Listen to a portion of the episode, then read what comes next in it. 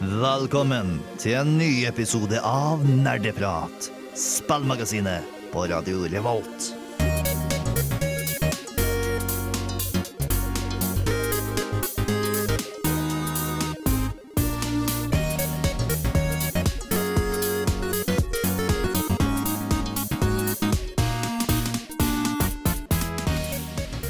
Hallo, hallo, og velkommen tilbake til en ny episode med Nerdeprat. Her igjen torsdag, Radio Revolt. Kjempegøy.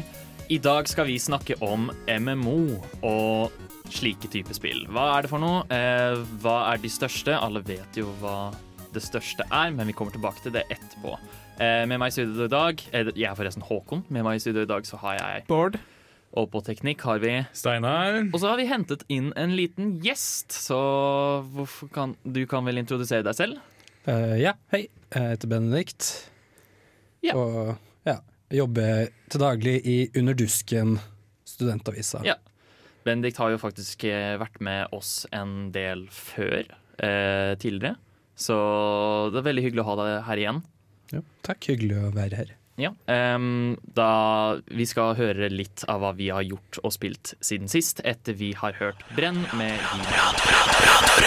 Da var vi tilbake. Du hører fortsatt på Nerdeprat, spillmagasinet på Radio Revolt. Og vi skal snakke om hva vi har spilt siden sist, eller i det siste, da. Benedikt, du har ikke vært her på en stund. Har du lyst til å starte? Eh, ja, det kan jeg godt. Eh, skal jeg se, I det siste så har jeg Skal ikke si at jeg har spilt sånn enormt mye, men eh, jeg har jo spilt eh, faktisk en del av et eh, spill som kanskje Som ikke alle setter pris på, i hvert fall ikke alle satte pris på da det kom, som er Fallout 76. Oi, OK. Er ikke dette MMO? Kontroversielt. Er dette Nei, fordi det er liksom sånn maks sånn åtte personer Ja, på en server. Så det er liksom Eller det er sånn ja, Eller jeg husker ikke hvor mange det er på en server, men det er et online-spill i hvert Ja. fall. Men det er Altså det er jo på en måte Fallout 4, bare med flere folk. Og så er det satt i West Virginia, som er mest kjent for uh, sangen, egentlig. Country Ja. Roads. Ja. Jeg, tror, jeg tror i stor grad det spillet var basert på den sangen, fordi den eh, ble brukt i alt markedsføringsmateriale, og den er også i spillet. Ja, Hyppig. overraskende nok. Nei, men det, altså det er jo et spill som på en måte fikk mye tyn da det ble lansert, og jeg kjøpte det ganske tidlig fordi det med en gang kosta sånn 100 kroner. Eh, rett etter launch. Ja. Men eh, og så har de jo gjort veldig mye i ettertid. Fikk jo en del kritikk for at det blant annet, i motsetning til de gamle Fallout-spillene, ikke hadde noen NPCs. Ja, Uh, er fordi alt var vel bare roboter eller sånn terminaler eller hva det var. Ja, det var mye sånn historiefortelling gjennom på en måte ja, Verden føltes rett og slett litt død ut, da. Ja. Men så i ettertid så har de jo gjort ganske mye for å utbedre det, da. Og spesielt de har eh, fikk det en West, Wastelanders update, hvor det nå har kommet mennesker tilbake til uh, West Virginia. Yeah. Og jeg må si eh, jeg liker det ganske godt. Jeg setter, setter pris på det. Og um, det har jo vært en enorm forbedring. Det er på ingen måte perfekt, men uh, jeg synes nå føles det som en, for min del i hvert fall, som en ganske verdig entry i Fallout-sjangeren. Jeg er jo eh, en ganske stor Fallout-fan langt tilbake, og Ja. har spilt alle, alle i den serien. egentlig. Eh, Vet du om du har planlagt noen mer oppdateringer, om noe mer tillegg, eller er de Ja, ja, nei, det, det, det kommer fortsatt oppdateringer. Nå er det på en litt sånn sesongbasert uh, greie. Og så er det jo sånn, det som er litt sånn typisk nå, føler jeg som er sånn at man veldig mye sånn daily-greier, og at du kan få tak i forskjellige skins og alt mulig sånn ved å spille hver dag og sånn. Ja. Som på en måte er kanskje en litt dum ting da, for de som ikke har mulighet til å spille hele tida, men eh, som er for så vidt uh, er litt sånn addictive, og som uh, kanskje, tror jeg, eller for min del da, på en måte tilfredsstiller den det som vi kanskje skal snakke om senere, som er litt sånn det som er oss med MMO, den litt sånn loot addiction-greia. Mm. Spennende.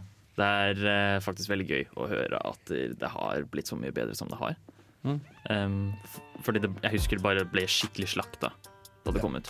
Absolutt. Um, vi skal ha høre hva vi andre har gjort siden sist, etter vi har hørt Hagle med trakk. Vi fortsetter runden med å prate om hva vi har gjort siden sist, og da tenker jeg det naturlige neste å gå til der er jo Steinar, fordi vi har ikke sett ham på en stund. Nei, jeg har vært mye borte i det siste. Eh, mye begrunna jobb og korona, ekstravakter og all that jazz. Jeg har jo akkurat fått meg en ny jobb. Jeg jobber jo nå både på WorkWork som bartender og med Escape Room Ja, her i byen. Litt spillrelatert, i hvert fall. herregud. Prøve å se hvordan folk løser oppgavene i rommene mine. Så får jeg lov til å være med og designe rom og i tillegg hoste rom. da. Mm. Få brukt dramateaterutdanninga mi til noe, i hvert fall. Veldig spennende. Mm. Det, vi, var, det, vi var jo på det escape roomet en liten tur også, for å se hvordan det var der. Ja, Det var vel sist jeg var med dere også. Da Ja. prøvde vi oss ut på escape room eh, borte på min jobb. Eh, Ja. Magiskolen. Ja, Ja. det Hvordan var syns du det gikk? da?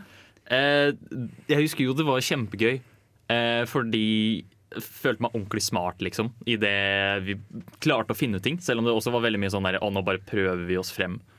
Ja. Er det, magiskolen, er det navnet på escape roomet? Fordi, Det er navnet på temaet magirommet, ja. Okay. Det stemmer. Ja, fordi, hvor mange, jeg føler det er liksom nye escape rooms hele tida i Trondheim. Eller hvor mange sånne selskap er det som driver med Akkurat nå i Trondheim så er det to bedrifter i all hovedsak som driver med det. Men jeg har også hørt at uh, Domen har begynt å lage escape room inne i katakombe katakomber Ja. og sånn. sant? Så det er ganske stilig. Oi! Ja, Jeg har ikke fått med meg noe mer enn det, for jeg har liksom bare hørt det via gjester som har vært på mitt escape room.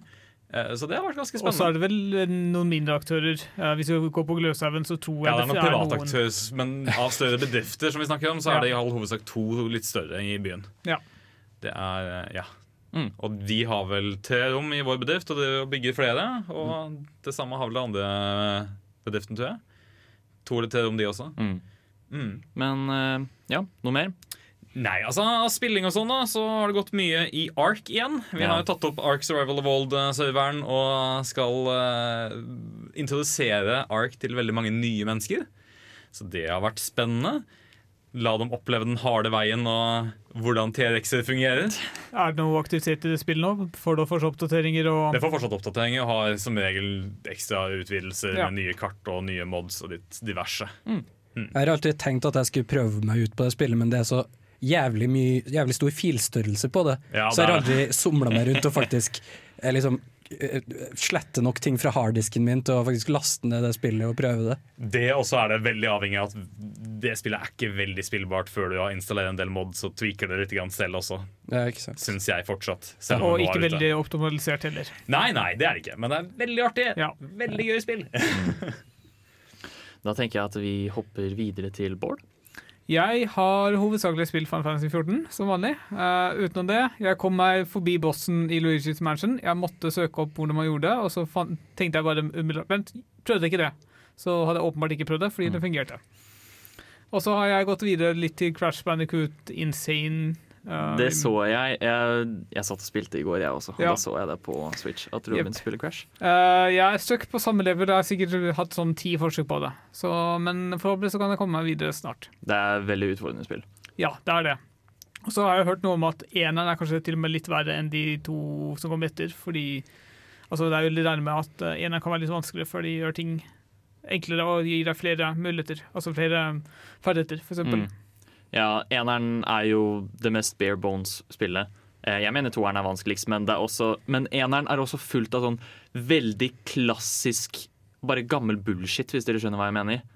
Når spill gjerne før bare hadde jævlig teite ting som bare var vanskelig for ingen grunn. En fiende som dytter deg tilbake, som helt som bare frustrerer deg. Ja. Det, det er ikke så veldig vanskelig, det bare friserer deg fordi du trenger tre forsøk. Så mm, ja. Men, men det er fortsatt bra. Ja, Det er det er det. Ehm, da kan vi ta lille meg til slutt. Uh, jeg har spilt enda mer Monster Hunter, selvsagt. Um. Holder på med Monster Hunter World. Det siste monster der Fatalis. Jeg bare lurer på, jeg bare, Var det en nyhet om at det skal bli film? Ja, det skal vi snakke om etterpå. Skal det? Ja. ok. Fordi um, det syns jeg hørtes veldig rart ut. Ja. Men uh, er veldig, spennende. veldig spent på å snakke om det. Men uh, jeg, jeg spiller i hvert fall av Monster Hunter World, som er ja, faktisk ordentlig Monster Hunter. Uh, og jeg slåss fortsatt mot uh, Fatalis, som er liksom the big bad i hele Monster Hunter-universet. Det fins ingen farligere monster enn han. Og jeg klarte han endelig. Så bra. Ja.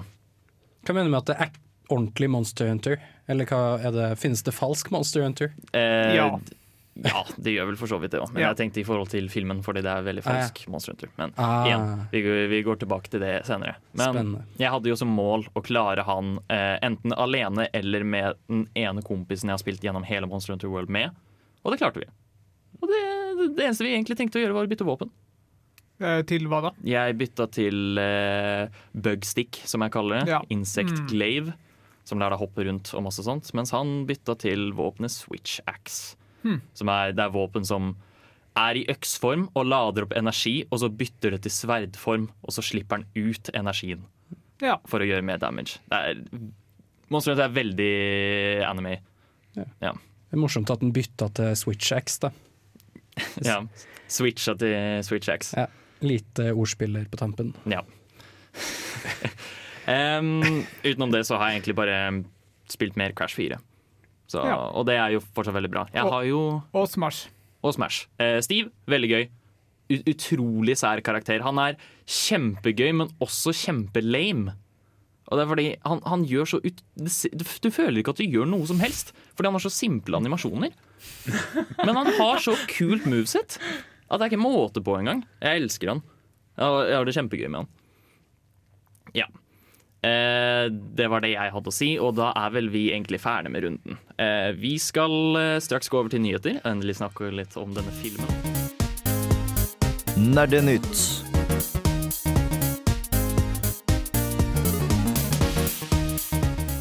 Det er på tide med litt nerdenytt. Det har ikke skjedd så veldig mye siden sist, men det har skjedd nok ting. Jeg tenker jeg hopper rett inn på dette fordi vi nettopp har snakket om det, og det er Monster Hunter. Fordi i går så annonserte de en film. Monster Hunter-film. Og denne ser så utrolig grusom ut at det er ikke måte på. Er den animert, eller er den live Den action? er, det er en live action-film. Um, og det er eh, jeg, jeg husker ikke om det var samme person, men det er i hvert fall samme skuespiller um, som lagde de forferdelige Resident Evil-filmene. Tror jeg. Jeg, jeg tror det er samme person, fordi jeg tror Hvis jeg har forstått det riktig, så er de gift. Ja. Eh, regissøren og uh, hun Mila Jovovic. Ja. Jeg husker ikke hva regissøren heter. Nei, ikke jeg heller. Er er den amerikansk eller japansk? Amerikansk, tror jeg. Og det er jo veldig åpenbart når du ser den, fordi her har de gjort en liten vri. Denne filmen her tar ikke sted på en måte Eller den tar sted i Monster Hunter-universet, men den har en separasjon mellom det virkelige universet og Monster Hunter-universet. Så ho hovedcastet er en amerikansk militærgruppe som på et eller annet vis har klart å havne i Monster Hunter-verdenen. Men vent, Monster Hunter Lord har vel ikke noen alternativ verden? Ikke som jeg vet om. Nei? Altså, eller hadde de ikke, hadde ikke de på en måte sånn Geralt of Rivia fra Jo, de har Witcher og sånne ting? De Ja. har hatt crossovers med både Geralt og Final Fantasy. Som rett og slett eh, andre spill som ikke er i samme univers. Så Men- det du sier er at Monster Hunter nå skal bli en isekai? Bare amerikansk type isekai? Jeg Hva betyr vet ikke hva det sier. Isekai betyr at du holdt på å si Du kommer fra den virkelige verden, men du reiser til en annen verden. En annen Ja, fantasy-basert verden. ja, ok, ja du men skal da, da blir det en isekai, da. Redd universet, whatever. Ja. That's an isekai. Og det er jo det de har gjort. Altså, du ser liksom i traileren Du har et um, monster, eh, et ørkenmonster som heter Diablos. Som er svær, eh, nesten litt sånn Han har to svære horn og er veldig skummel og sånt. Og så starter på en måte hele traileren med at hovedkarakteren skyter en rakett i trynet på han. Nei. Veldig Monster Hunter. og det er derfor Jeg gleder meg egentlig veldig til denne filmen. Fordi jeg tror den kommer til å bli helt grusom. Ja, Det høres jo veldig ut som de Resident Evil-filmene, i det forstand at det har en ganske tynn kobling til kildematerialet. Ja, Det er åpenbart at denne personen som lager denne filmen, har ikke spilt Monster Hunter i det hele tatt. Nei, har mer sånn lest en, lest en eh, oppsummering av det på Wikipedia og så tenkt her ligger det et manus. Ja, Men, men har, ha, har ikke Square Enix er det vel, eller hvem den er, Capcom. Capcom nok respekt for Monster Hunter til å bare si nei, ikke lag denne filmen? De hadde jo ikke nok respekt for Resident Evil til å si det samme. Så, så klart, det er de som lager Resident Ja. Evil også. Um, men nei, så Fordi, det, jeg så faktisk Jeg så et veldig morsomt sånn, eller sånn klipp som dukka opp i jeg tror feeden min på Facebook, eller noe sånt, hvor regissøren sitter og snakker med spillutviklerne, og så er det sånn om hvordan, ja, hvordan utviklerne har vært med å forme universet og sånn. Og dem utviklerne virker så lite entusiastisk. Det virker som de bare tenker Hva i helvete som foregår her? Fordi det er liksom ja, nei, de bare virker virkelig Det virker ikke som de har lyst til å være der. Men så må de jo liksom virke entusiastisk, da, fordi det er markedsføring Ja. for en film. Så, men eh, ja, nei, det er litt sånn uh, Halvvis sånn gisselsituasjon. Ja. Du bør si noe bra om spillet. Ja. Slash filmen. Eh, den ene positive tingen å ta ut av det, er at der, overraskende nok så ser faktisk monstrene veldig bra ut. Det, det er ikke noe dårlig CG. De ser faktisk ganske bra ut. Så det er kanskje mulig å redde Altså Hvis man lager en nedklippet versjon, fjerne all den dritten de putter inn, så kan det kanskje være mulig å lage et godt produkt ut av det.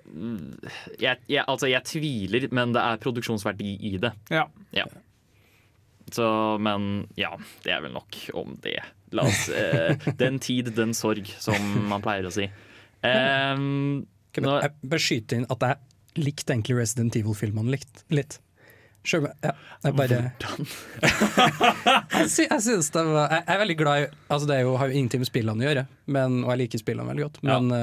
jeg, jeg synes de var fornøyelige som det dumme popkorn-greia de var. Jeg vet ikke, jeg syns det var litt sjarmerende. Jeg har aldri hatt lyst til å dempe en mikrofon mer i mitt liv. Jeg ville aldri kalt dem bra, men det er underholdning. underholdning.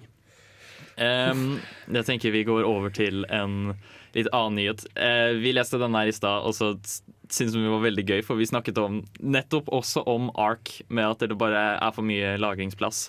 Eh, Modern Warfare, som er anerkjent for å bare ha verdens største nedlastning i hele verden, med 250 gigabyte, kommer med en oppdatering hvor de lar deg slette elementer av spillet. Uh, ja, forhåpentligvis. Eller jeg regner med at de sletter f.eks. enspillerdelen eller noe sånt. Uh, det, kom ikke, det var ikke så veldig mye informasjon å finne, det var en Twitter-melding, liksom. Men uh, folk var i ekstase over det på Så- Reddit. Så du er sikker på at det ikke er et meme? Det, nei, men eh, det hadde såpass mange kommentarer at det må ha vært en offisiell kilde. Jeg kjente ikke navnet, fordi jeg følger ikke med på det selskapet overhodet. Men det var liksom 1500 kommentarer på Reddit, så et meme hadde ikke fått det. Ja, det høres lovende ut, i hvert fall. Ja. For alle de som sliter med diskplass. Det er veldig gøy. Um, uansett, nå skal vi høre en låt. Vi skal høre Derin med 'Dropp'. Vi skal nå høre fra en mann som er veldig langt unna hva han syns om programmet Nerdeprat på Radio Revolt. Nerdeprat er veldig gøy! Vi snakker om nerdeting og dataspill! Sånt liker jeg! Da starter vi med temadelen vår, som er MMO. Eh, og det er jo ikke veldig mange som Jeg har forstått det slik at dette er et begrep som ikke mange har så veldig mye peiling om. Meg selv inkludert. Så, og det er derfor jeg har tenkt til å spørre dere, da. Hva er en MMO? Er det noen som har lyst til å prøve seg?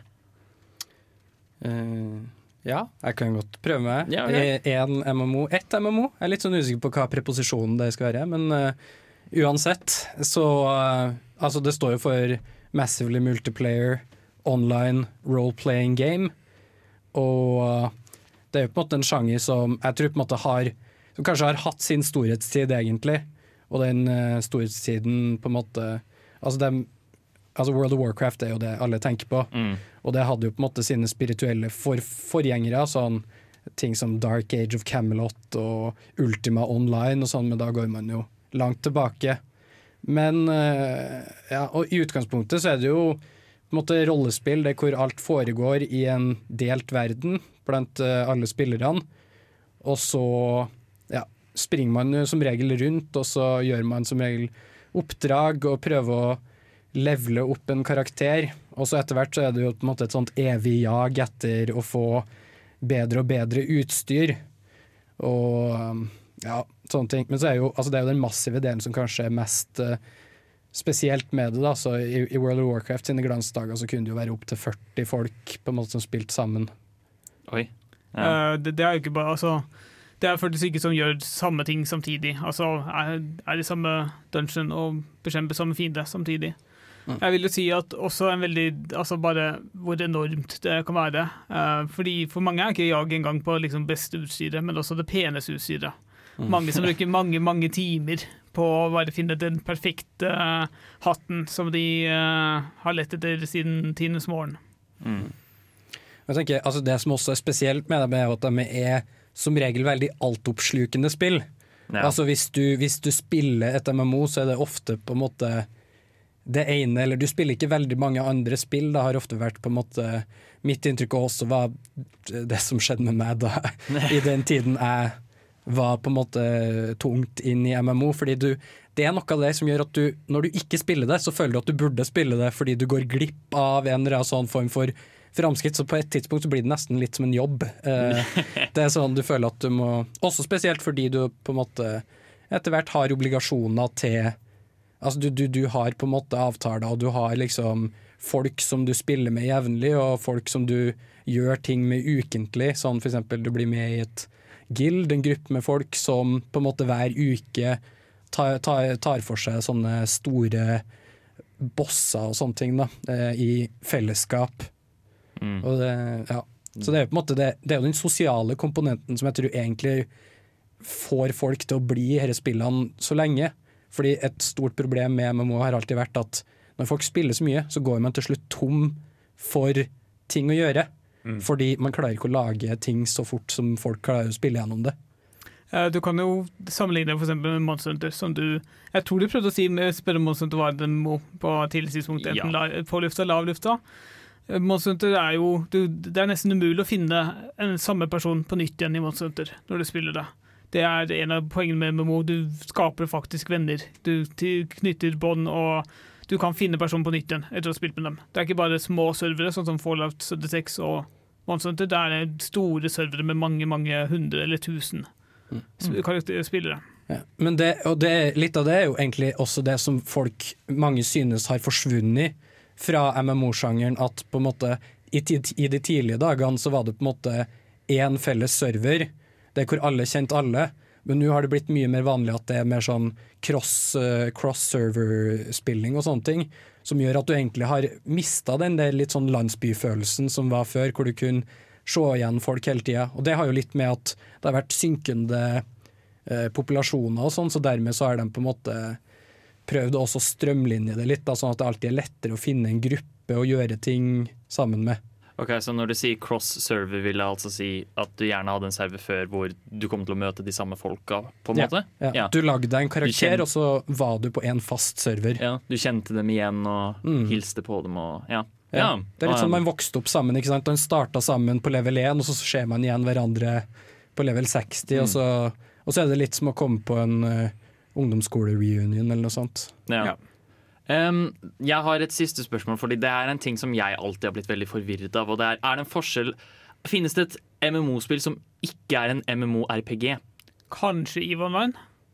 Jeg vet ikke helt hvor mye RPG-elementer er det i. Du, både og, nei. Du har en del RP, roleplaying-deler i eh, EVE Online også. Eh, altså ting som har fått eh, det, det finnes jo ting som har fått betegnelsen MMO-FPS, og da er det jo ting som Planetside. Og Destiny. Eh, ja. Eh, Ja. Men er Destiny føler jeg egentlig ikke er et MMO. På en måte. Det er mer sånn arvtakeren av MMO-sjangeren, fordi det er på en måte færre folk, da. Eller sånn, du, du, er liksom, du er ikke så mange om gangen. Men eh, jeg tror den distinksjonen der er på en måte Jeg vet ikke, det er på en måte den looter-shooter-greia som har tatt over, fordi det har de samme avhengighetsskapende mekanikkene og sånn. Men jeg tror altså ting som ja, MMO-FPS, da er det ting som ja, Planetside 2 uh, og um, ting som på en måte Altså det er liksom noe med den skalaen da, som du Som egentlig er litt sånn uvanlig blant spill nå, er mitt inntrykk i hvert fall. Mm. Interessant.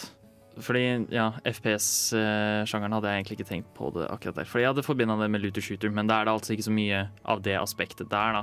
I Planside.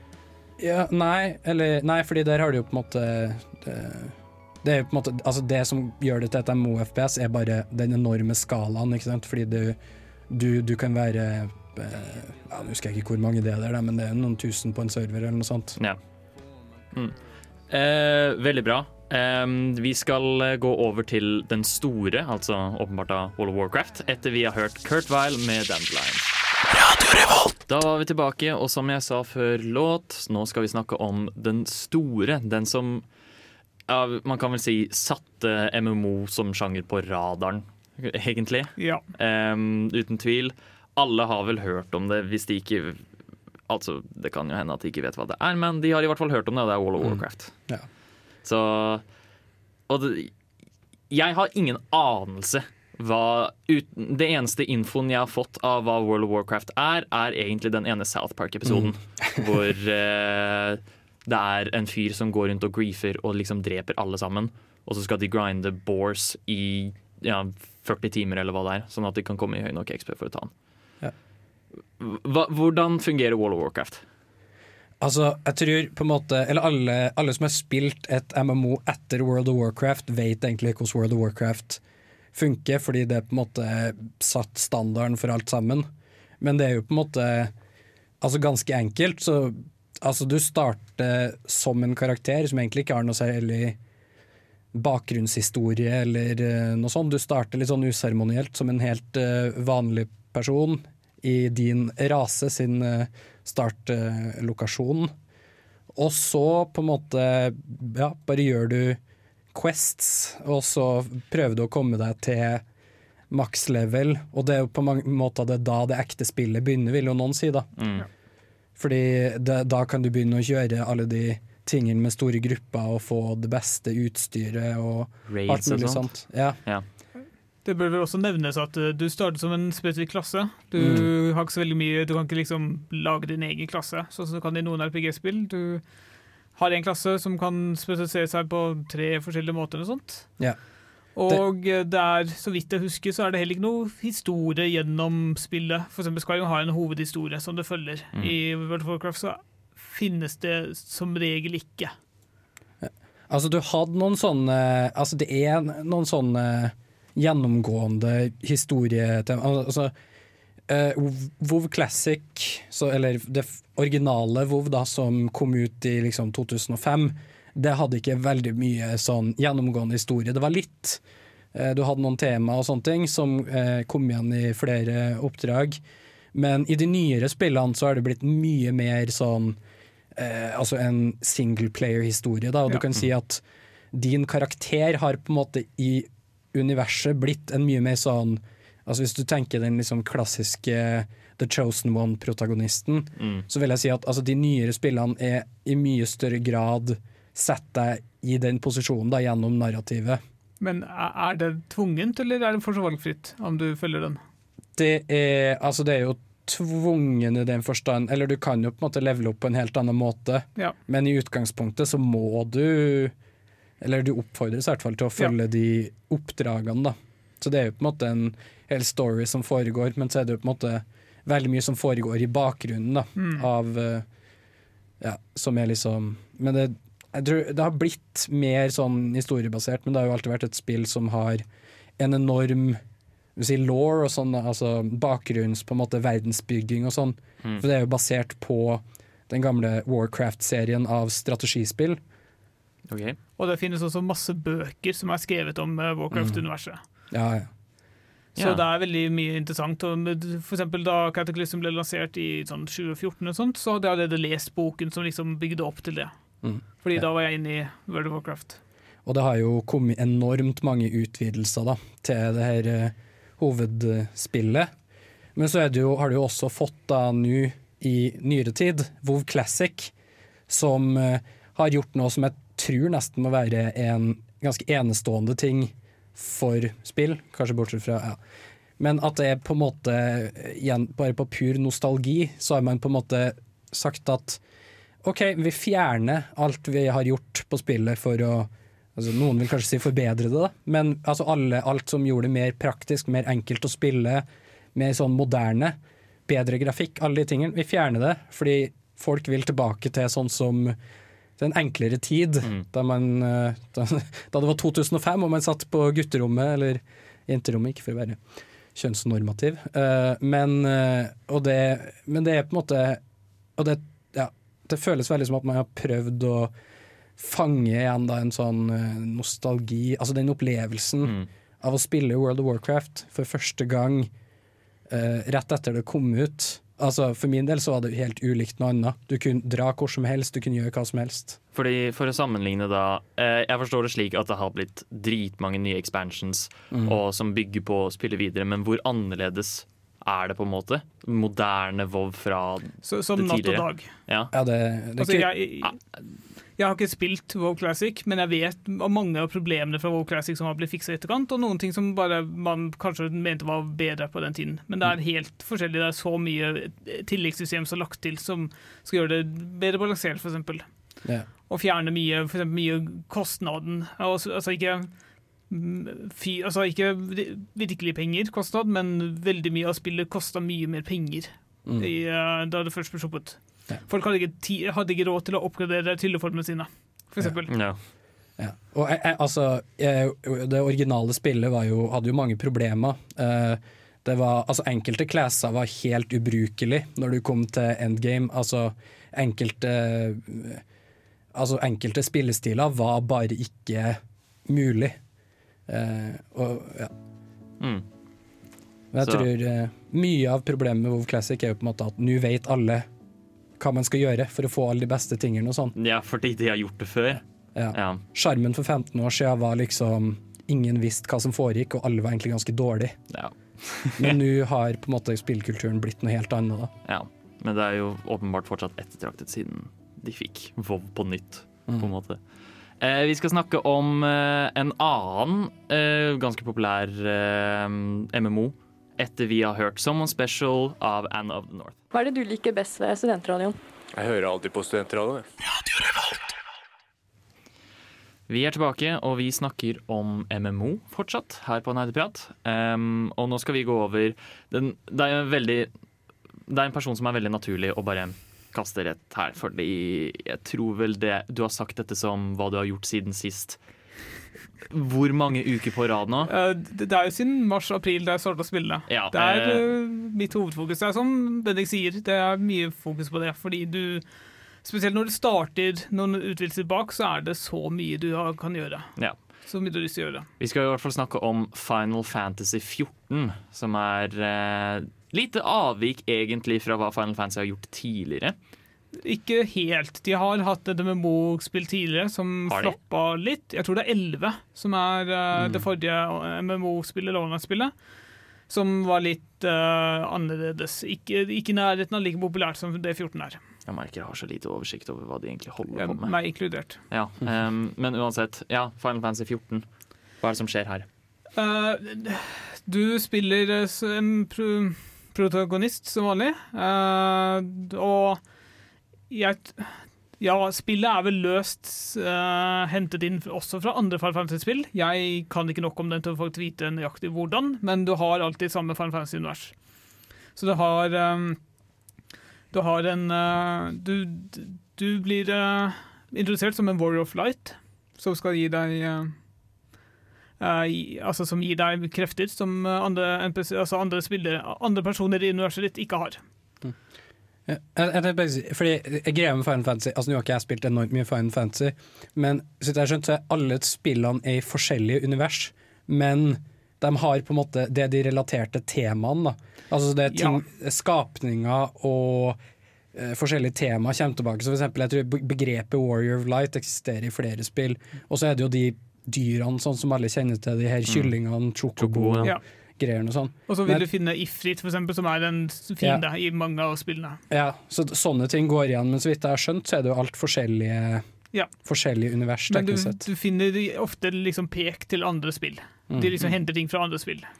Men eh, OK, for å spørre da, hva er det som gjør Final Fantasy 14 så kult? Eller, og hva skiller det fra resten? Altså, uh, i min mening, det er definitivt historien. Det er et veldig godt skrevet spill. Uh, ikke alle delene er like godt skrevet, men som en helhet så er det utrolig godt skrevet, og du blir tvunget inn i det. Da er det ingen mulighet til å uh, slippe ut av det. Du må komme deg til f.eks. 50 og gjøre siste eh, hovedoppdrag før du kan få tilgang til mye av ekstra tingene du kan gjøre på slutten av spillet, når det er på maks level. Og sånn er det med alle utvidelsene. Ja, fordi som vi snakket om i stad, så dette var Historien var i hvert fall ikke veldig stort fokus i f.eks. Wall of Warcraft før inntil nyere tider. Mm. Ja. Så her skiller den seg. Ja. Og så, hva skal jeg si, uh, World of Warcraft har fått veldig mye tyn i det siste for uh, dårlig utvidelse og sånt, mens Final Fantasy blir uh, kritikerrost uh, ganske bra. Mm. Ja, ja. Bendik, du hadde også spilt Final Fantasy 14. Ja, jeg begynte å spille det nå, eller det var vel på slutten av sommeren eller noe sånt, så kom de med en sånn at de utvida Altså, de har ikke gått free to play, eh, sånn som de fleste MMO har gjort. Altså, den tradisjonelle MMO-businessmodellen er jo Du betaler en, en gang i måneden, litt som Netflix, og så får du tilgang. Men, eh, og det, det, er nesten bare, det er nesten bare Final Fantasy som fortsatt har det her. Så de har ikke gått over til en sånn gratismodell, sånn som ja, man kjenner fra mobilspillverden og sånn. Men de eh, gjorde det gratis å spille gjennom eh, originalspillet og den første utvidelsen. Og bare der så har du jo ganske mye eh, gratis eh, innhold, med visse begrensninger, da. Eh, så jeg begynte å spille det, og jeg synes jo også, jeg er jo helt enig at det er en veldig god story med liksom, ja ut, enormt mye tekst. Det er så mye Det er litt som å lese en bok noen gang. Ja, det er det. Det er veldig mye. Eh, Men jeg synes jo det også det var bra. Det, eller som jeg synes var litt sånn frustrerende, var det at jeg synes eh, karakteren min sier litt sånn dumme ting og sånn. Jeg skulle ønske det var mer valgfrihet i storyen, fordi Ja. sånn Noen ting bare føltes så dumt. Eh, Det, det skjer veldig ofte, fordi karakteren din er også egentlig helt stum. Uh, du, du hører aldri personen si noe, du får valgmuligheter i dialog, men det blir aldri sagt. Og veldig ofte så har det kun et nikk eller et klapp på brystet eller et eller annet tåpelig som er liksom svar. ja, det, ja. Mm. Men eh, ja, dette er i hvert fall noe du ville anbefalt, da. Ja, Hvis du er fan av noe med liksom, en dyp historie som du liksom kan ja, fordype deg i, så vil Fantasy 14 være ditt MMO, som er foretrukket, vil jeg si. Mm. tror også valgfrihet er liksom et stort uh, selgepunkt med det. Eh, vi skal snakke om et til MMO som eh, er Ja, hva skal man si om det? Også litt eh, beryktet. Ja, litt beryktet. Eh, etter vi har hørt Marbles med She's So. Vi skal gå over til et annet, eh, ja, som vi nevnte, omdiskutert spill. Eh, beryktet, kanskje Ja. Jeg har lest veldig mange nyhetssaker om EVE Online, jeg har aldri spilt det selv. ja vi skal snakke om EVE Online. Hva er det? Steinar, du har spilt EVE Online. Å gud bede, du aner ikke hvor stort spørsmål du nettopp stilte. EVE Online er en eh, space-MMO eh, der du i all hovedsak jobber for å tjene mest mulig eh, in game currency, in game penger. I dette universet heter det ISK, eh, og du kan tjene det på utrolig mange måter. Altså, eh, er det ikke riktig at Fordi det her er jo et spill som er utvikla is, eller på Island, i Island, kan man si. Eh, og ISK står vel egentlig Nå gjør antageligvis ikke det i universet, men i virkeligheten så står det egentlig for islandske kroner. Det visste jeg ikke. Det er sykt kult. I didn't know. Fun fact, Fun fact bare her på. Nerdprat. Eh, Shit. Veldig bra. Ja. Ja, nei, Det er et spill du kan gjøre det meste, eh, og det er litt hva du ønsker. Du kan fokusere på combat og spille mot pirater og drepe de og få penger av uh, Space-politiet for å drepe farlige, onde pirater. Eller du kan bli med disse piratene og slåss mot Space-politiet og alle andre spillerne på uh, EVE Online. Eh, Du kan grave stein i universet og selge råmaterialene dine, eller ta med deg råmaterialene og bygge eh, andre komponenter til romskip og lignende, og selge dette. Det er masse å ta av. Uh, ja, Du kan fordi gjøre oppdrag og så så, videre. så målet er rett og slett bare uh, Fuck bitches, get paid. Omtrent. altså Som i alle andre MMO-er, målet er å oppgradere og gjøre at, gjøre at du kan gjøre mer i spillet. Ja. Du kan åpne opp spillet mer for deg ved da som regel å kjøpe ting. Mm. Eh, jeg lurte på, fordi vi snakket om i stad om det var noe som var MMO L og ikke MMO-RPG. Og så nevnte vi EVE Online, eh, men du sa nei. Ja, for det er en, det er en del NPC-quester og sånt også, akkurat som i de fleste andre MMO-er, eh, der det gjerne er en story bak. da. Eh, Du har f.eks. fire forskjellige folkeslag i dette universet du kan velge mellom, og de har bakgrunnshistorie med hverandre, og eh, noen liker hverandre ikke, og noen liker hverandre veldig godt og har samarbeid. Så det er mye sånt også. Hvis man ønsker å sette seg inn i eh, flavorteksten eller eh, historien, så kan man gjøre det og spille det som eh, et rollespill. Mm. Altså, jeg tenker jo at mye eller mye av greia er jo på en måte at du har en helt enorm valgfrihet. Og det er jo sånn, Ja. jeg vil si at på en måte både i World of Warcraft og Final Fantasy så settes du ganske inn på et spor, og de fleste har en forholdsvis lik ish spilleopplevelse. Men jeg synes, eller, For jeg prøvde så vidt å komme inn i online en gang, og det, min opplevelse var at det er så mye valgmulighet at det er helt uh, lammende. Det er veldig svimlende. Og du, når du er ferdig med tutorials, så blir du bare sluppet løs. Og ingen pekepinn på hva du skal gjøre. Det er good luck, have fun, og finne ut av det sjæl. Ja. Eh, jeg tenkte jeg skulle ta det litt videre. Bård, du nevnte at du hadde lest veldig mye av dette. Hva er, det som, hva er greia med EVE Online? Fordi EVE Online har um, veldig mange store slagsmål mellom spillere. Du kan ødelegge baser til andre spillere. Du, altså, du har et slags liksom, firmaer i spillet som uh, kan ha gedigne baser, som er kanskje det jeg syns er mest appellerende med EVE. Alle de gigantiske basene. Og de kan bli ranet, de kan bli ødelagt, og du kan stjele ting fra dem. og fordi det finnes en uh, konvertering til virkelige penger, så har, kan man faktisk sette en pengesum på uh, tapene som har blitt gjort. Oi, herregud. Ja, fordi, og det, og de, alle de her corporationsene corporations og sånn er jo, som vi snakka om tidligere, altså de er jo gjort opp av folk. Uh, og, og så har man jo på en måte felles verdier i det her, da. Yes. Så jeg tenker jo at altså, det er jo fordi mange aspekter, det høres jo helt forferdelig ut, men jeg tenker du må jo ha en, en helt enorm sånn sammenknytning når man har de her felles verdiene, når man får liksom felles fiender som faktisk har gjort så jævlige ting mot deg, at uh, jeg, vil, jeg vil se for meg at det er liksom et reelt brennende hat mot dine fiender i EVE Online. Absolutt. Og det er jo uh, corporations eller firmaer er jo det som blir guilds i EVE Online. Og hvis noen aner tinga dine, så snakker vi virkelig tid som blir tapt. Du kan ha brukt mange dager og uker på å skaffe deg et stort romskip, og så kommer det en douchebag i et litt større romskip og sprenger deg i fillebiter. Og du legger ut bounties for at andre folk skal ta livet av han. Du prøver å ta livet av han sjøl, og det blir bare et hat mot den andre korpen. Mm. Så eh, ikke spill dette spillet hvis du hater griefing. Ikke kødd med meg på EVE Online. Jeg kommer og tar deg. Eh, interessant konsept likeså, da. Ehm, så ja. Vi skal gå over videre igjen. Over til Det her er jo kanskje et av de største memespillene på internett, føler jeg. Ikke fordi det er dårlig, eller noe sånt, men fordi så å si alle har spilt det, og folk liker å lage memes av det. Vi skal snakke om Runescape etter vi har hørt Alphabet med Til bardaga! Ja! Ra ra radida! Ja! Til bardaga! Nerdeprat på Radio Revolt! Ja! Vi skal snakke om et, et annet veldig veldig stort spill. Det er veldig synd at Tai ikke kan være med oss nå, fordi han har brukt veldig mye tid og krefter på dette spillet her. Eh, så, men vi har heldigvis Bendikt Ja. her for å hjelpe oss, for vi skal snakke om Runescape. Ja, ja. Dette er jo Før WoW var barndommen min, så var jo på en måte Runescape barndommen min. Ja. Og eh, ja, eh, barndommen til mange andre Som På- hos meg.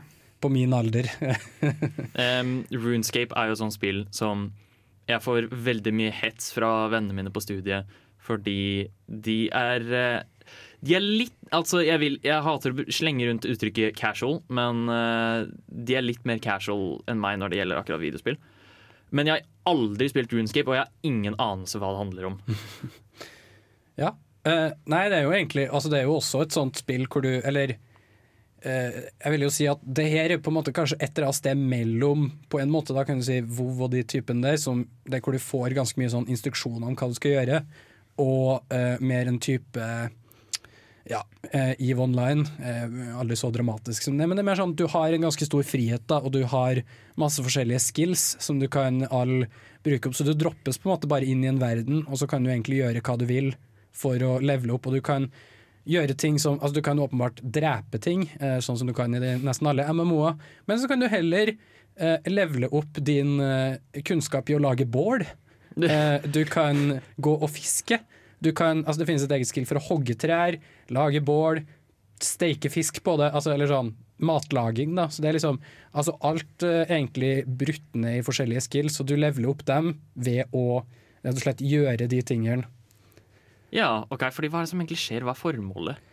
Eh, eh, godt spørsmål. Det, du, har, du har quests og oppdrag og sånne ting, men mesteparten av spillet er egentlig låst bort bak en sånn subscription som uh, i hvert fall ingen av de jeg kjente hadde råd til da jeg var liten. Jeg, Men, eh, jeg tror én av mine venner hadde betalt for det. Og det er da du kan få den beste rustningen. Da kan du drepe en drage eller noe sånt, og så får du dragerustning eller noe lignende. Ja. Men altså, for oss andre så var det bare levele opp, utforske verden, finne ut uh, Det var vel noe form for fiende... Vet du hva, når Jeg tenker tilbake, jeg husker ikke helt hva jeg faktisk gjorde i det spillet. Jeg bare husker at det var veldig, veldig gøy. Ja. Det, og, og det, er- eller faktisk har en morsom, litt sånn morsom historie om det, der, fordi jeg delte en konto med lillebroren min og en, en fyr sto, og storebroren hans betalte etter hvert for vår sånn membership, og det kosta noe sånn fem dollar i måneden eller noe sånt. Så han betalte det for oss en periode. Men så, da vi hadde gjort alt og fått tak i alt det bra utstyret og sånn, så tok han bare over den kontoen, siden han hadde passordet, fordi han betalte for det her. Så bare bytta han passord, og så sa drit og dra, nå er den kontoen her min. Uh, og sånn mista jeg min uh, RuneScape-konto, som hadde full dragon armor og alle de tingene der. Ærlig talt, på det punktet så begynte jeg å miste litt interesse uansett. Men eh, fortsatt et eh, stort eh, justismord, vil jeg si. Ja, vi burde vel nevne at det, det har vel kommet en ny versjon av Runescape, den vi spilte i vår barndom.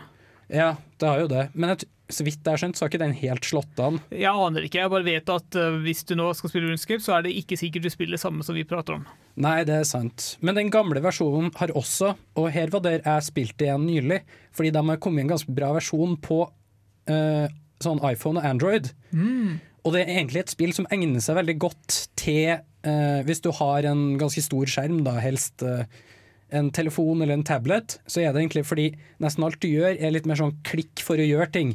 Det er, ikke, det er, en, ganske, det er en ganske sakte fart på alt. Det er ikke masse knapper å trykke på, sånn buttons per minute og sånne ting, som jeg snakka om i nyere tid.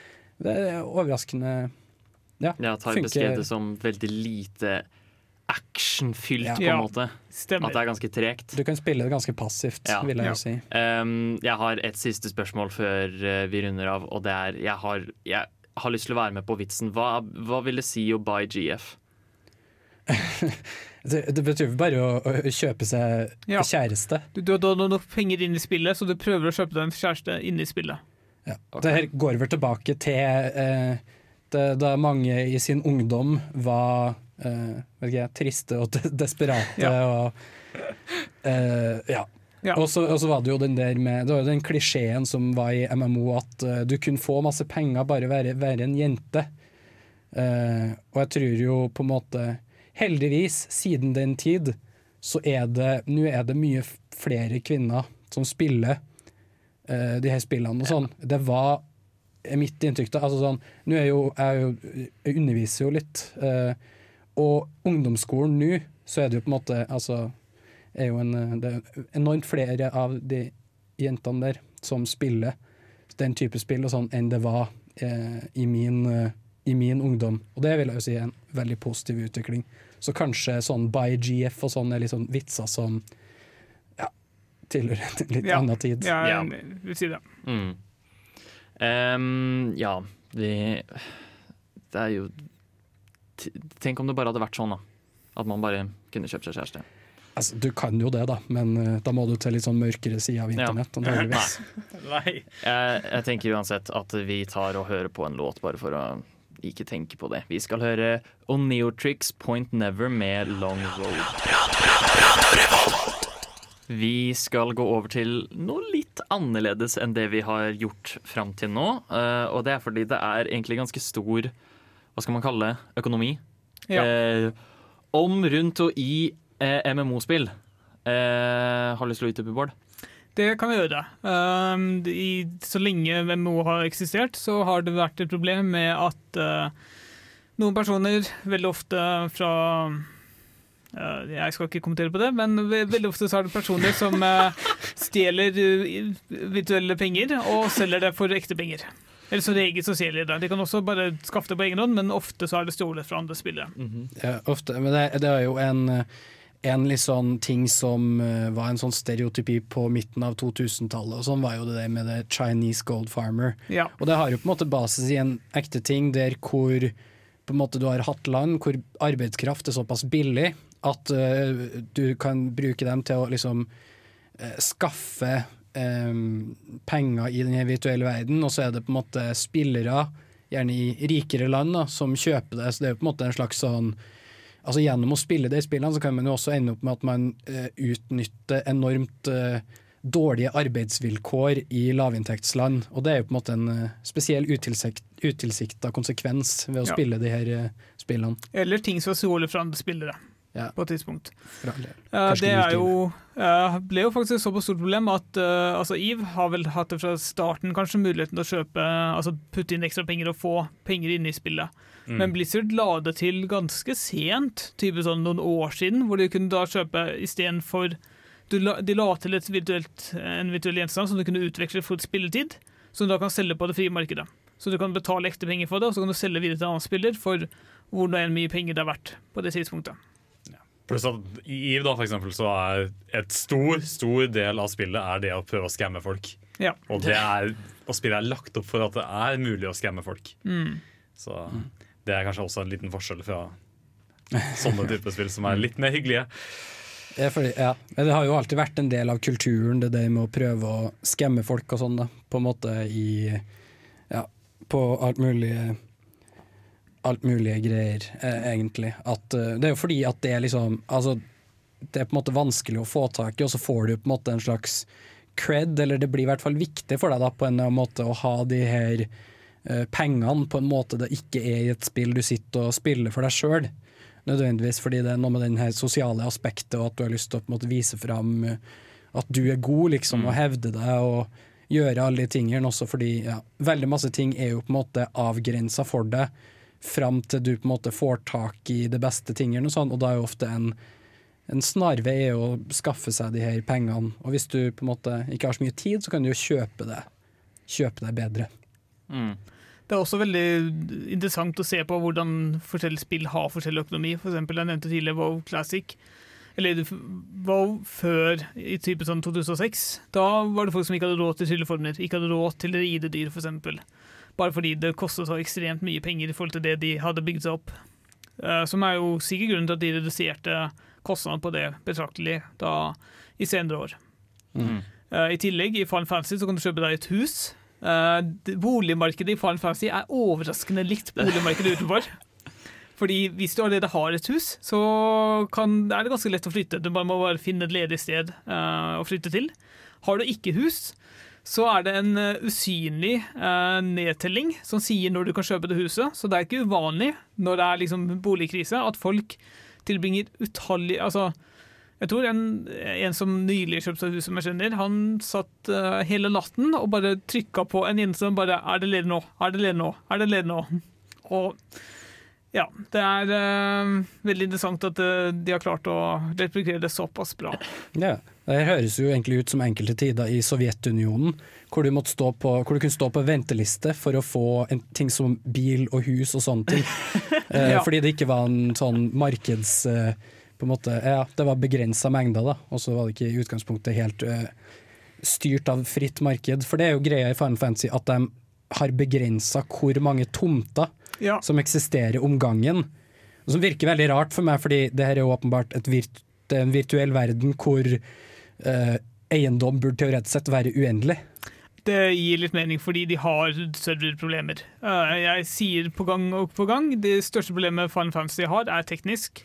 Og de har sagt at på tirsdag så la de til nye tomter. Eh, altså faktisk en syvendedel av det som allerede fantes, ble lagt til. Uh, så jeg fikk meg et hus, eh, uten å egentlig prøve så veldig mye. Men eh, de har også sagt at de skal gjøre det enda flere forbedringer, men de venter på serverleveranser, liksom. Yes. co- Covid har jo gjort det vanskelig å flytte servere på tvers av landegrenser. Jeg blir helt forbauset over at det er så mye liksom, tanker og sånn bare rundt økonomi i spillene. Ja. Eh, jeg husker også Tai fortalte om eh, han og kompisen hans eh, De kalte det typ sånn pengehack, hvor de bare solgte penger in game i Runescape, tror jeg det var. Det, det kan jeg ingenting om. Ja, em, Kan tenkes. ja og, for, og så betalte han for en PC eller noe sånt ved å bare selge Yes. Ja, penger det, i Runescape. det er jo mange som har tjent seg enormt rik på det her, også sånne Vov-karakterer som har gått for Altså sånne kontoer i World of Warcraft som har gått for liksom flere tusen dollar. Eh, spesielt hvis du er på en måte en kjent person eller et kjent navn. Altså World of Warcraft, i hvert fall i sin gullalder, hadde jo på en måte reelle kjendiser som på en måte alle på de forskjellige serverne og sånn hadde Ja. hørt om. Fordi de var liksom de første til å drepe forskjellige bosser og sånne ting. Og jeg tror det var enkelte Det som skjedde på noen tidspunkt, var at sånne folk ble solgt. Men det her var jo ikke lov, da. Så etter å ha kjøpt en sånn konto for en sånn 1000 dollar eller noe, så ble den personen banna. Eh, OK, så du fikk så- ikke lov til å bare være kjendisen? Nei, eh, bli fordi da var det så høyprofilert ikke sant? at Ja. alle visste at det var ikke den samme fyren lenger. Og det her var jo ikke lov. Så Herregud, det er kjempegøy, alt det her. Um, så MMO har, jo, er jo veldig uh, nøye og stort med det her. Og det er jo da passende at vi etter å ha hørt La Femme-paradigmet skal snakke om eh, fallet til MMO. Men først så skal vi høre låt. Ohayo, minisan, konnichiwa. Du hører på Nerdeprat, nja-nja. På Radio Revolt, SNE. Uvu. Vi er tilbake. Eh, Du hører fortsatt på Nerdeprat, og vi snakker fortsatt om MMO-spill. Eh, Vi har nå gått gjennom veldig mye av liksom, de store tinga. Em, og kanskje noen som gjør det litt annerledes. Snakker litt om World of Warcraft og Runescape og sånne ting. Og økonomien som bare gir deg bilde av hvor svær denne sjangeren her var. Hvorfor er det ikke det nå lenger? Hva har skjedd? ja. eh, altså Vi sa jo i utgangspunktet at det var MMO-sjangerens fall. Og jeg vil jo, for, jeg trekke en, trakk en historisk analogi tidligere, er litt som Romerriket, i den forstand at uh, altså, det, det har på en måte fortsatt, bare ikke like stort som det Ja. en gang var. Så alle de, altså, alle de spillene der fins jo enda, altså World of Warcraft og alle de, men, men det er liksom ikke en sjanger hvor det skjer veldig mye nytt og veldig mye spennende lenger. Og nøyaktig hvorfor det, det er litt sånn Jeg, jeg syns det er litt vanskelig å få tak på, men jeg tror jo mye av det har nok med liksom Altså, som jeg nevnte, så var det jo i utgangspunktet så betalte du jo sånn som 100 kroner i måneden for å spille veldig mange av de spillene her. Men så var det jo og så var det på en måte veldig mange som prøvde å kopiere suksessen til World of Warcraft, sånn som det ofte blir når ett spill får til en suksess. Og det ser vi jo fortsatt. Det har skjedd med Minecraft og League of Legends og alle de her type spillene. Men så var det på en måte Og det ble investert enormt mye penger i forskjellige eh, Altså alle, alle ting skulle ha et MMO. Warhammer skulle ha et MMO. eh, Star Wars skulle ha to MMO. Jeg, jeg tror Star Wars fortsatt har et MMO. Ja, ja, de har, og alle de, altså, de, mange av de spillene her eksisterer jo enda, men de er på en måte ikke i nærheten av det på den størrelsen de har, og de fleste måtte på en måte kvitte seg med den 100 kroner i måneders uh, forretningsmodellen, fordi altså, det ble på en måte bare ikke mulig å opprettholde. Og det tror jeg også litt for sånn som jeg snakket tidligere, du føler at du må spille det, fordi du betaler jo 100 kroner i måneden uansett hvor mye du spiller det. Litt som Netflix, på en måte. Uh, jeg kan jo kommentere på min egen, fordi jeg slutta med World of Warcraft uh, under, uh, for lenge siden. Da gikk jeg lei, og jeg fant ut at tiden min og pengene mine kunne heller bli brukt på andre typer spill. Som Mm. jeg for så er veldig interessert i, og har fortsatt med helt fram til nå, hvor jeg er litt bitt av basillen igjen. Mm. Men jeg tror jo mye av det er liksom Igjen, sjangeren har stagnert litt. Det er jo Og det er åpenbart at det også har fått faktiske konsekvenser. Jeg sjekka tallene nylig. Uh, I 2010 hadde World of Warcraft 12 millioner aktive spillere, eller spillere som betalte. Nå har de sånn, jeg vet ikke, 1 million, 2 millioner kanskje. Jeg tror de har slutta å gå ut med de tallene, Ja, fordi nettopp. de eh, ja, Og det er jo ikke et godt Oi. tegn, nødvendigvis. Ja. Men det er jo fortsatt, altså det er fortsatt et enormt stort spill. Da. Altså Ethvert spill ville ha vært fornøyd tror jeg, med å ha en million folk som betaler 100 kroner i måneden for å spille det. Ja. Og, og de kommer jo med utvidelser og alle de tingene, men det er jo ikke i nærheten av den på en måte kulturelle Altså Det var så altoppslukende på midten av 2000-tallet. Det var liksom, altså det var jo på nyheter og alt mulig, ofte i negative sammenhenger, da, hvor det var liksom folk som spilte så mye at de glemte å spise og dermed ble syke, Mm. og, eller til og med dødd var det jo eh, enkelte saker om, og det var veldig knytta til det med avhengighet og sånn. Mm. Så det tror jeg jo også er noe med at det fikk jo et veldig dårlig rykte. Det er også verdt å legge merke til at eh, det virker som de har nesten sluttet med å komme nye MMO. Så jeg vet Steinar har prøvd det nye til Amazon, men det er det eneste jeg har hørt noe særlig om de siste tre årene. Ja, New World, ja. Mm. Også, Det har vært så mange som floppa. Funcom alene har hatt to, uh, Edge of Conan og Secret World, som ingen av dem gjorde noe særlig bra. Ja. For det kom jo på en måte Etter World of Warcraft så kom det jo så mange ting som, skulle, som ble kalt for The Wow Killer. Ja. Som gjør at uh, de skulle på en måte bli det nye World of Warcraft. da. Men så tror jeg det har noe med at det var så mye på en måte penger investert i den sjangeren, og det var, liksom, altså det var så dyre prosjekt fordi du måtte lage så enormt store verdener og serverinfrastruktur og alt. Så det var egentlig ingen som torde å gjøre noe spennende og nytt med det, tror jeg i stor grad. Eh, så det ble liksom aldri altså den, Som du sier, at den stagnerte som en sjanger, og alt endte opp som World of Warcraft, men nå i rommet, eller World of Warcraft nå i uh, ja, satt i Warhammer-universet eller sånne ting. da. Jeg er litt, litt uenig, uh, bare fordi jeg prøvde så vidt i Secret World da Mm. Jeg syns det var utrolig interessant, uh, mm. verden og sånne ting. Og jeg er veldig litt trist for at det ikke ble noe av, men Mm. jeg tror heller det er mer det at folk har ikke tid, folk har ikke penger. De kan ikke prøve ut alle, alt det nye, så de vil heller beholde det spillet investert i seg i litt allerede. Det som de liker, i hvert fall helt greit, enn å prøve seg på noe nytt. Men jeg tenker mange av de elementene fra, World fra liksom den MMO-sjangeren eksisterer jo fortsatt. da, og da, For å ta den uh, romerrike eh, metaforen igjen, så er det på en måte du har litt sånn arv, arvtagende kongeriker, og der har du ting som Luther shooters og sånne ting. Ting som Destiny og alt mulig sånne ting, som er enormt populært. Og jeg tror det er på en måte det nye eh, som, som på en måte tilfredsstiller den samme kløen. Fra asken står en føniks opp, eller noe sånt. Ja. Um, bra måte å avslutte på. Oberst, jeg prøver å snike meg forbi vaktene, men lyden av min rumpeblafreng distraherer dem fra å lytte på nerdeprat. Vi nevnte, eller Du nevnte kjapt i stad, Benedikt, um, om hele dette avhengighetsaspektet. Med da, det var vel da særlig World of Warcraft som var skyldig i det. MMO som sjanger, kanskje, men Mm. veldig World of Warcraft. Ja. Hvor folk bare ble så fullstendig avhengig av det. Og det er jo sånn du sier, føler nesten at det blir en liten jobb. Mm. Eh, det er så mye ting du må gjøre, og du føler du går glipp av ting. Og jeg følte Jeg ville bare framheve det, fordi det har vært et så omdiskutert aspekt av hele MMO-greia. Ja. Eh, Det ble jo særlig Jeg nevnte også den ene South Park-episoden tidligere som heter Make Love Not Warcraft, tror jeg den heter. Ja. Mm. Um, hvor hele greia handler om at de, ja, de sitter og så blir de ekstremt feite. Um, kidsa, altså. Eh, Bare for å beseire denne ene fyren som går rundt og griefer alle sammen og dreper dem. Og bare stjer, gjør spillet ikke noe gøy for noen av dem. Mm. Og så har du liksom sånne klipp sånn som Cartman som uh, roper på mora si fordi han må på do, og så løper hun med en bøtte. Og så bæsjer han over hele ho. ja. Og det er jo veldig sånn satt på spissen, men uh, det var vel Ja. Ja.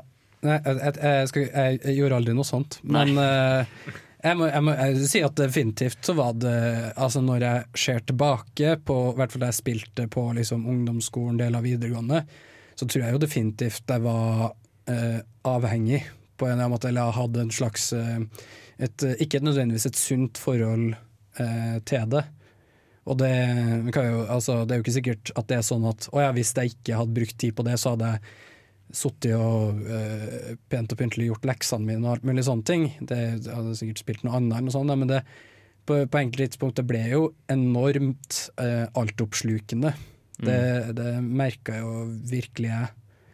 Og uh, skulle du si ja.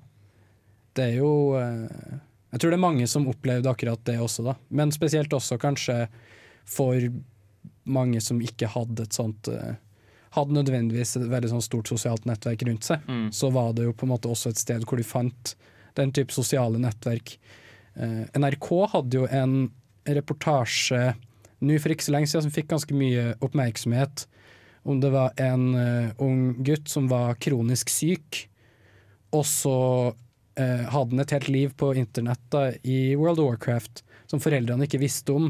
Og de ble så rørt ikke sant? da han fikk massevis av støttemeldinger, og det var folk som kom i begravelsen som de aldri hadde sett før. For, og de trodde han hadde ingen venner fordi han tilbrakte all sin tid på rommet. Men så viste det seg at han hadde jo på en måte et helt enormt nettverk rundt seg rundt omkring i hele verden. Og sånn sett så er det på en måte noe som ja, Det er jo det sosiale aspektet da, som kan, også kan være enormt givende for folk. Ja, og det er litt sånn dumt, fordi ja, eh, avhengighetsaspektet med det er veldig fælt, men eh, Eller det kan bli veldig fælt, er kanskje riktigere å si, men jeg føler de fokuserer på så feil ting. Fordi akkurat det er en, ja, en kjempefin ting. Mm. Også, men nå har de i hvert fall fokusert på det, ja, men det var ikke tida det de fokuserte på før. Nei, på noen absolutt måte. ikke. Og så er det jo Hva skal man si altså, Du kan kalle det avhengighet, eller så kan du også bare Altså For min egen del, da, i hvert fall. Jeg som har hatt nå fire uker, fem uker ferie. Og er i, ikke i karantene, men jeg foretrekker å ikke gå utenfor døra og treffe folk, fordi da det er smitt, litt smittefarlig. Så spiller jeg heller med vennene mine og prater med dem. Mm. Og istedenfor å spille hva enn jeg har lyst til å altså, Istedenfor å spille et nytt spill, så spiller jeg det jeg vet jeg allerede har ting å gjøre i, der jeg har venner jeg som kommer til å si hei når jeg logger på og sånt. Mm. Poenget er egentlig at man skjønner litt eh, hvordan folk ble så avhengige, da, fordi du har jo faktisk veldig mange venner her. Mye du kan gjøre der. Det er en helt egen verden. En Ja. parallell verden. En helt egen verden. Det er jo også ting som er bygd opp sånn også, da. Det er det med at ikke sant, du hele søker det rushet med å få nye ting og oppnå nye mål og sånne ting. Mm. Ja. Men du kan jo få det fra mange andre ting også, for all del. Ja. Eh, vi skal straks eh, høre hva ukas spørsmål er, etter vi har hørt Djerv med We Don't Hang No More. Når innså du at du var en gamer? Dersom du kunne spilt kun et spill i et år Hva er det eldste spillet i backloggen din? Hva har du lært fra spill som du har fått nyte av i Er det et spill som har hjulpet deg gjennom en tung periode av ditt liv? Hva er ukas spørsmål? Ukas spørsmål er eh, det, det er ganske simpelt, men også så mangt det også kan være. Det er rett og slett hvilket Hva slags univers eller verden hadde du ønsket å se en MMO? Så er det noen som har noe svar her, og den er litt sånn vanskelig. For, jeg, for å bruke et eksempel, da. Eh, når man er liten, så drømmer man jo veldig om det å kunne være eh, en faktisk person i Star Wars-universet og leve ut Star Wars-drømmen. ikke sant? Eh, og så er jo det en ting som har skjedd. Der finnes jo en Star Wars-MMO. Har du en sånn en? Jeg har Ok. eh, Monster Hunter. OK, ja. Ja. Det har altså det Eller det, har, det er ikke en MMO som vi har kommet fram til, men det har på en måte veldig mye av det grind-aspektet. Ja, men jeg, jeg har lyst til liksom ha Altså eh, starte Eller skaffe ordentlige relasjoner, bekjentskaper. Det å faktisk kunne ha Altså vise fram at du har drept den øverste fienden, eh, den kraftigste fienden. Det å faktisk bare gå rundt i en åpen verden i der og bare møtes opp og bare La oss jakte på den her, som vi som skal være rundt i dette området. Ja. Jeg tror det hadde vært utrolig kult. Jeg kan stille meg bak det. Ja. De har eh, tidligere prøvd seg på raid-bosser òg, så de kan Ja. en, det kan hende komme en dag. Men det viktigste er det å liksom bare ha altså, kontinuitet. Det at du har personer du kan kontakte, venner og sånne ting i spillet. Ja, jeg har jo på en måte en litt sånn utilfredsstilt barnedrøm, barndomsdrøm. Og det var jo eh, Jeg vet ikke om noen så TV-serien Stargate, eller det var jo flere TV-serier. Ja, gikk Ja. jo på TV2 i min ungdom, i hvert fall, eh, som dreide seg om eh, en gruppe med menneskesoldater fra vår tid som reiste rundt eh, ulike planeter i galaksen gjennom sånne portaler.